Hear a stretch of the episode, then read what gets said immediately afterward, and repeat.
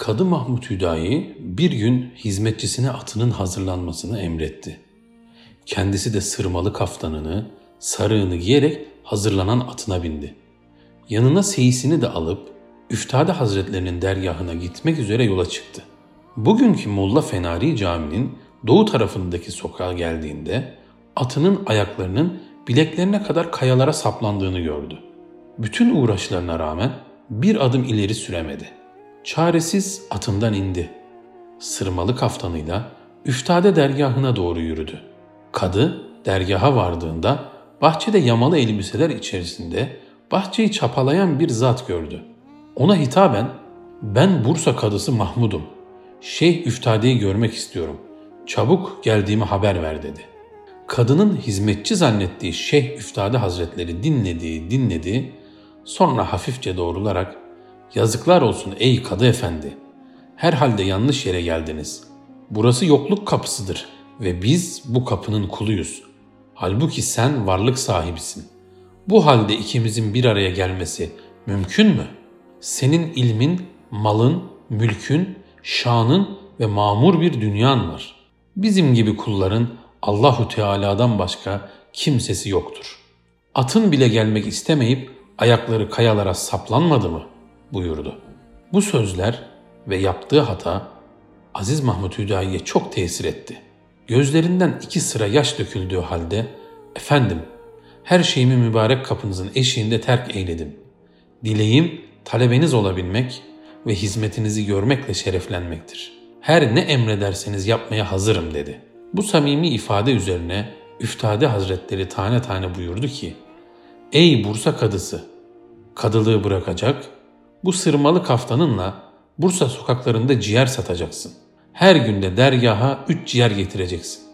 Her şeyi bırakacağına, her emri yerine getireceğine söz veren Mahmud Hüdayi derhal kadılığı bırakıp ciğer satmaya başladı. Sırtında sırmalı kaftanı olduğu halde ciğerleri Bursa sokaklarında ciğerci, ciğerci diye diye bağırarak satıyordu. Bursalıların hayret dolu bakışlarına, kadınların ve çocukların alay etmelerini hiç aldırmıyordu. Onu görenler Bursa kadısı Aziz Mahmut Hüdayi aklını oynatmış, tımarhanelik olmuş diyorlardı. Bu şekilde nefsini kırıp ruhunu yükseltmek için her türlü alaya alınmaya katlanıyordu. Her akşam dergaha geldiğinde hocası ona ''Bugün ne yaptın? Ciğerleri satabildin mi?'' diye soruyor. O da başından geçenleri anlatıyordu. Üftade Hazretleri daha sonra yeni talebesinin nefsini iyice kırmak ve terbiye etmek için onu dergahta helal temizleme işiyle vazifelendirdi. Hüdayi bir gün abdesthaneleri yıkarken kulağına davul zurna sesleri geldi. Şöyle bir kulak kabarttığında kendi yerine tayin olunan yeni kadının geldiğini ve halkın karşılamaya çıktığını öğrendi. Bir anlık dalgınlık ile kendi kendine yeni kadı geliyor ha? Biçare Mahmud sen böyle bir mesleği bıraktın şimdi abdesthanelerde temizlik yapıyorsun diyerek nefsinin aldatmasına yakalandı. Ancak daha bu düşünceler geçer geçmez derhal toplandı ve Mahmud sen şeyhine nefsini ayaklar altına alacağına dair söz vermemiş miydin? diyerek bu halde tövbe etti. Sonra da nefsini tahkir için elindeki süpürgeyi atarak taşları mübarek sakalıyla süpürmeye başlayacağı bir anda Şeyhi Üftade Hazretleri kapıda göründü. Ve Mahmud, evladım, sakal mübarek şeydir. Onunla böyle bir iş yapılmaz. Maksat sana bu mertebeyi atlatmaktı. Buyurarak Hüdayi'yi alıp içeri dergaha götürdü. Böylece nefsinin istek ve arzularına sırt çevirip istemediği şeyleri yapmakta büyük gayret sarf eden Aziz Mahmut Hüdayi kısa zamanda üstadının en önde ve gözde talebesi oldu.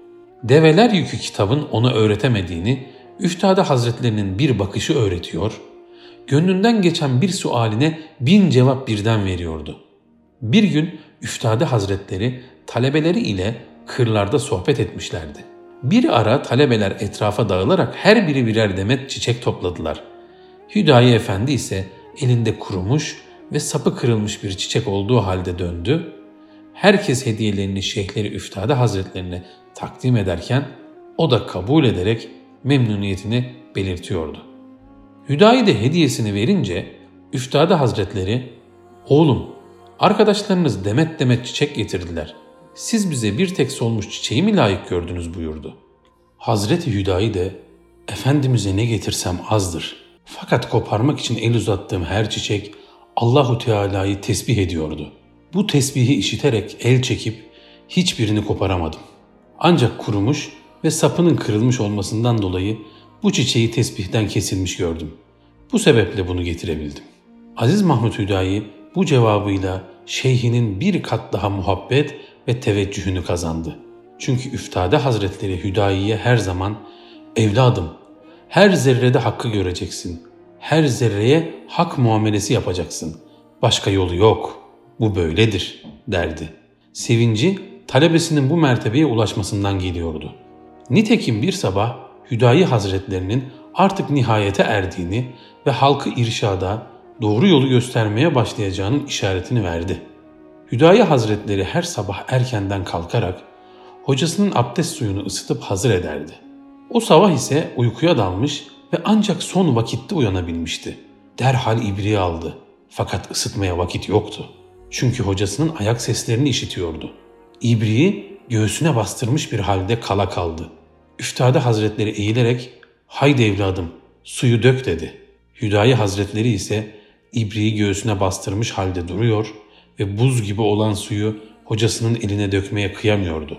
Üftade Hazretleri tekrar haydi evladım ne duruyorsun geç kalacağız deyince çekine çekine ve, ve korkarak suyu dökmeye başladı. Ancak hocasının sözü onu bir kat daha şaşırttı. Evladım Mahmud bu su ne kadar ısınmış böyle. Bunu normal ateş ile ısıtmayıp gönül ateşiyle ısıtmışsın.